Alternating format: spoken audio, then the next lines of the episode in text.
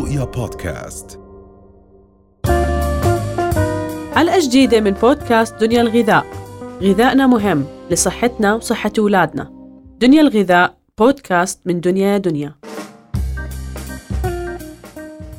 ال- الحمية البحر الأبيض المتوسط كثير بنسمع عنها صح. وسمعتها منيحة.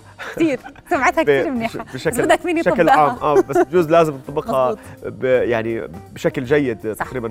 فإيش هي هاي الحمية؟ بشكل عام هي نسبت هاي الحمية لل Mediterranean diet أو ال Mediterranean Sea البحر الأبيض المتوسط. نعم. والفكرة منها إنه نحن نتبع الغذاء الصحيح اللي لازم نحن نتبعه بخاصية إنه نحن بنعيش بالمناطق على البحر الأبيض المتوسط. الفكرة من هذا البرنامج إنه إحنا بنتبع حمية غذائية مبنية أولا على الأساس أنه يكون الخضروات والفواكه. فالهرم الهرم الغذائي التابع لهاي الحمية الغذائية هو مختلف بشكل بسيط عن الهرم الغذائي العادي. الهرم الغذائي العادي بحكي لك أنه الأساس لازم يكون هو النشويات. بعدين من بعد النشويات بيجي عندي البروتين من بعد البروتين بيجي عندي الخضروات والفواكه وأن توب بيجي عندي الدهون. ولكن حمية البحر الأبيض المتوسط مختلفة تماما. بتقول لك أنه الأساس لازم يكون الخضروات والفاكهة فلازم يكون معظم غذائنا النشوي. يجي هاي النشويات من الخضروات والفواكه. من بعدها بيجي عندي الأسماك وبالأخص الأسماك اللي بتحتوي على نسب دهون جيدة. من بعدها بيجي عندي آه، الزيوت الصحية وبعدين بيجي عندي اللحوم اللحوم والدهون الغير صحية أو الحلويات بشكل عام. نعم. الفكرة من هاي الحمية هيثم إنه نحن باتباعنا لهاي الحمية طبعا أنا نسيت جزء أساسي واللي هو البقوليات ال- الفول الحمص العدس اتسترا هاي الحمية المبدأ منها إنه نحن عن جد بنعود للغذاء الصحيح الأصلي اللي إحنا مفروض إنه نحن نتبعه.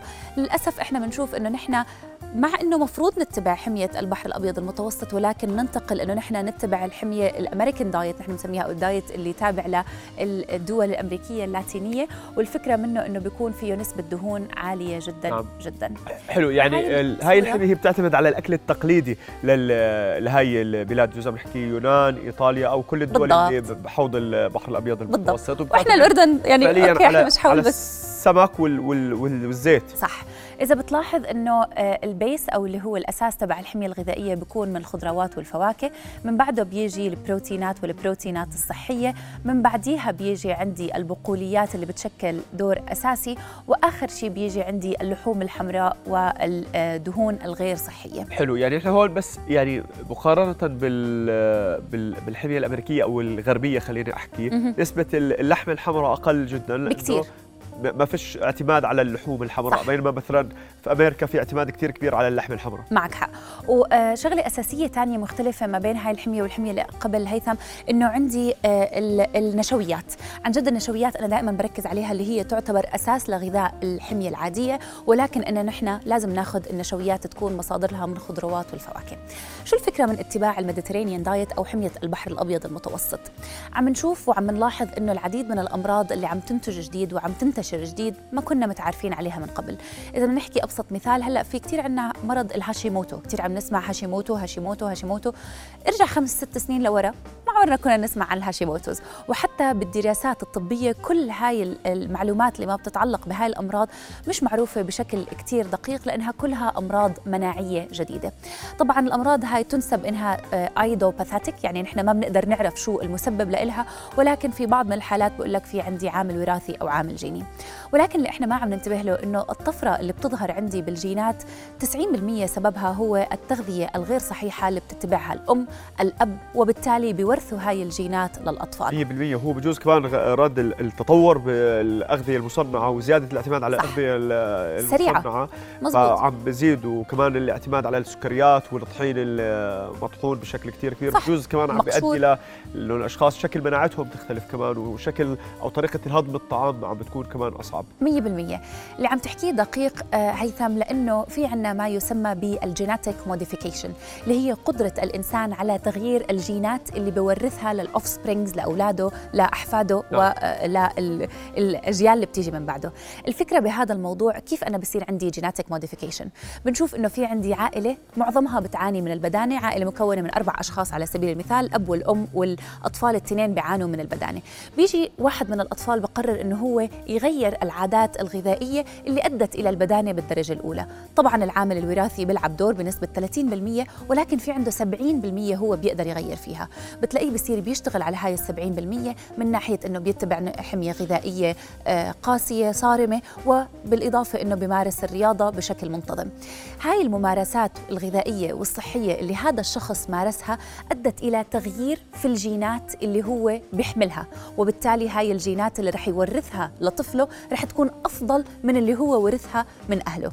وكمان طفله إذا اشتغل على نفس الطريقة وعلى تقليل مستويات الكوليسترول إلى ما آخره. بنشوف إنه ممكن العيلة كلها يكون عندها مشاكل بالكوليسترول السكري والضغط ولكن هذا الشخص ما عم بيعاني أو ما عم بيعاني بالقدر مما بتعاني منه هاي العيلة وهم بيلعب دور ال genetic modification فبالتالي بشكل مبسط لحتى نركز بغذائنا على حمية البحر الأبيض المتوسط الفكرة منها إنه نحن من الضروري إنه نحن نتبع هاي الحمية لحتى نقلل أولاً نسبة الكوليسترول اللي عندي موجودة بالجسم بتفيد بشكل كتير كبير بتقليل مستويات الالتهاب والوقاية من الأمراض المناعية اللي غير معروف شو المسبب لإلها اللي معظمها عم تيجي بسبب تغييرات الجينات الأكل المصنع المواد الكيميائية اللي عم تضاف للأكل اللي الجسم ما عم بيعرف يتعامل معها.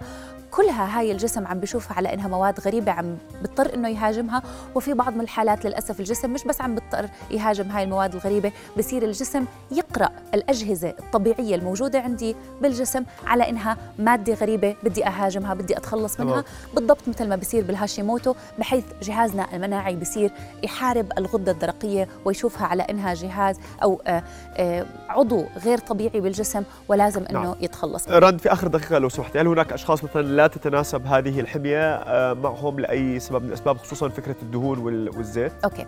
بشكل عام فقط الأشخاص اللي بيعانوا من مشاكل في الكلى لأنه الكلى بتتطلب آه، يعني حمية البحر الأبيض المتوسط لأنها مبنية على الأسماك مبنية على الخضروات مبنية على الفاكهة والزيوت الصحية. هذا بيعطيني نسب عالية جدا من الفيتامينات والمعادن اللي بحط عبء كتير كبير على الكلى. وبالأخص أنه نحن بنمتنع بحمية البحر الأبيض المتوسط عن كل الأغذية المقشورة وبنركز على كل شيء ذات حبة كاملة. هذا بيعطيني مستويات بوتاسيوم أعلى بيعطيني مغنيسيوم أعلى وكمان أكيد بيعطيني فوسفور من البروتين الصحي اللي إحنا عم ناخده مثل الأسماك.